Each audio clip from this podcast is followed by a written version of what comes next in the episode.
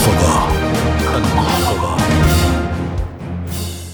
البحث دائما عن مجال للاستثمار يحقق ربحا ماديا حلم يطارد الكثيرين خاصة مع فقدان الثقة في العديد من المجالات. الذهب هبط هبوطا مدويا. الأسهم كذلك. شركات التكنولوجيا التي كان يعول على اسمها تهاوت. وحتى من وصفها بعملة المستقبل خذلهم البيتكوين. ومن استثمر في السندات هبطت هي الأخرى مع هبوط عملات البلدان وتبخر استثماره وكذلك أحلامه بالربح. حلقة جديدة من المحفظة تأتيكم على بودكاست كان نيوز عربية على أبل جوجل سبوتيفاي أنغامي والعديد من المنصات الأخرى في إعدادها وتقديمها أحمد الآغا. شهادات الادخار أو صناديق الادخار أو السندات الحكومية كلها تطلقها الدول أمام الشعوب لتستفيد الجهتان. فالدول تستفيد بزيادة خزينتها ودعم الاحتياطي وسلة العملات وإدخال عملات أجنبية إلى البلد. إلى آخره. والشخص يستفيد بربح مادي وأحيانا يشعر بواجب تجاه وطنه بالوقوف معه بالأزمات. لكن بنهاية المطاف هو يبحث عن استثمار آمن. كل دولة تقوم بإصدار سندات محددة المعالم والمقومات الاستثمارية. وهذه السندات يعني ترتبط بالمعايير التي تحدد اقتصاد هذا البلد. وكذلك أيضا آه، العراقيل الكبيرة التي تواجه اقتصادات هذه الدول. يعني كل ذلك سوف يؤثر بشكل مباشر على قيمة السندات ومدى المخاطر المرتبطة بالاستثمار آه، فيها. لذلك عندما نحاول الإجابة على مثل هذا السؤال الواسع دائما يجب علينا أن نحدد آه، أي دولة نوعية اقتصادها وما هي مقومات اقتصادها ما هي المخاطر التي تواجه اقتصاد هذا آه، البلد. كذلك أيضا آه، يعني المعايير والاستراتيجية الاقتصادية والمالية المتبعة من قبل حكومة هذا البلد والبنك المركزي فيها. كل ذلك سوف يحدد المخاطر التي يمكن أن ترافق الخطوات الاستثمارية في سندات هذه الدول. يعني آه، إذا سألتني هل تنصح بالاستثمار في اليوكي جيلد آه، وهي بمثابة سندات بالنسبة للدول الأخرى.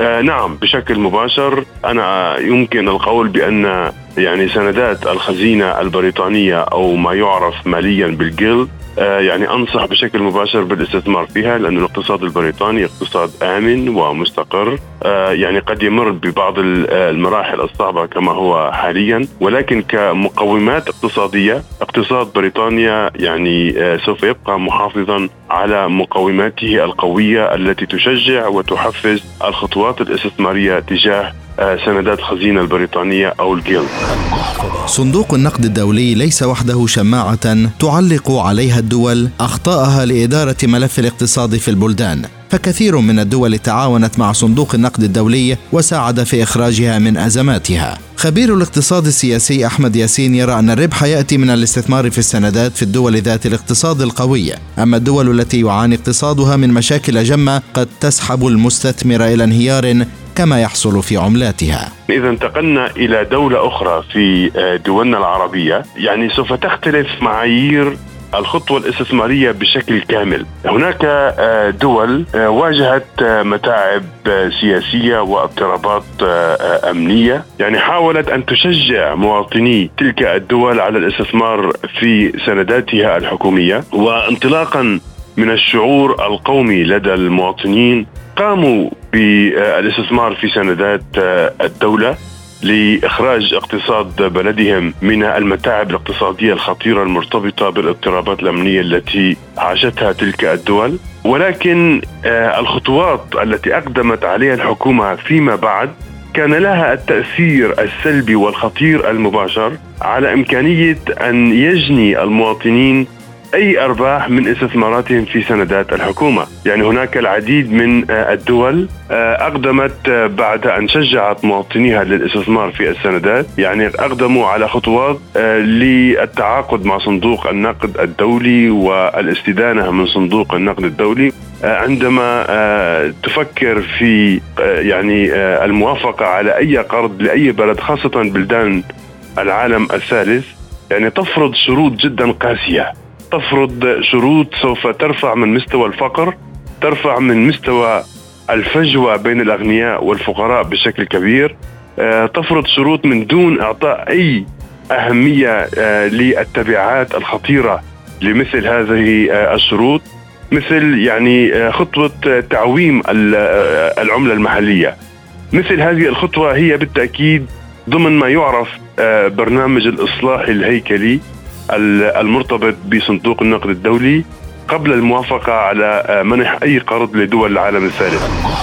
عند سؤال خبير الاقتصاد السياسي أحمد ياسين عن أهم الاستثمارات الآمنة حاليا في ظل الأوضاع الاقتصادية كانت إجابته إيجابية تحمل نظرة متفائلة لبعض القطاعات وتعافيها مما يشكل بشرى خير في هذه الأيام.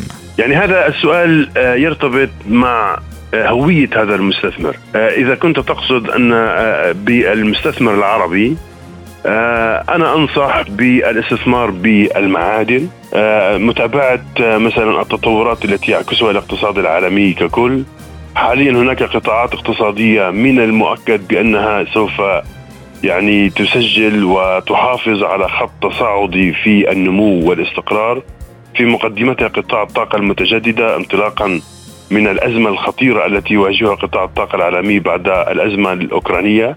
يعني حاليا الاستثمارات آه، آه، الدولية في قطاع الطاقة المتجددة هي بالتأكيد تتضاعف بشكل مستمر. هنا آه، يأتي الخطوة الاستثمارية الناجحة والتي يمكن أن لا تواجه أي متاعب أو أي خسائر مستقبلية في مثل هذه القطاعات، كذلك أيضا المعادن، المعادن التي تحتاجها الصناعات بشكل عام.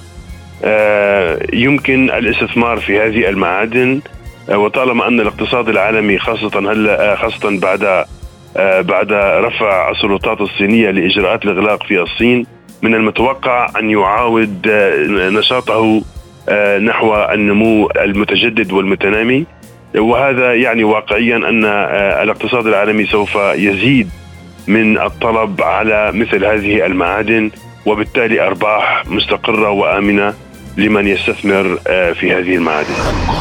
إلى هنا وصلنا وإياكم إلى ختام هذه الحلقة من برنامج المحفظة والذي يأتيكم عبر منصة بودكاست كان نيوز عربية على أبل جوجل سبوتيفاي أنغامي والعديد من المنصات الأخرى. في إعدادها وتقديمها أحمد الآغا وفي الإخراج الإذاعي غسان أبو مريم. في النهاية أنت أدرى فقرارك بين يديك. المحفظة.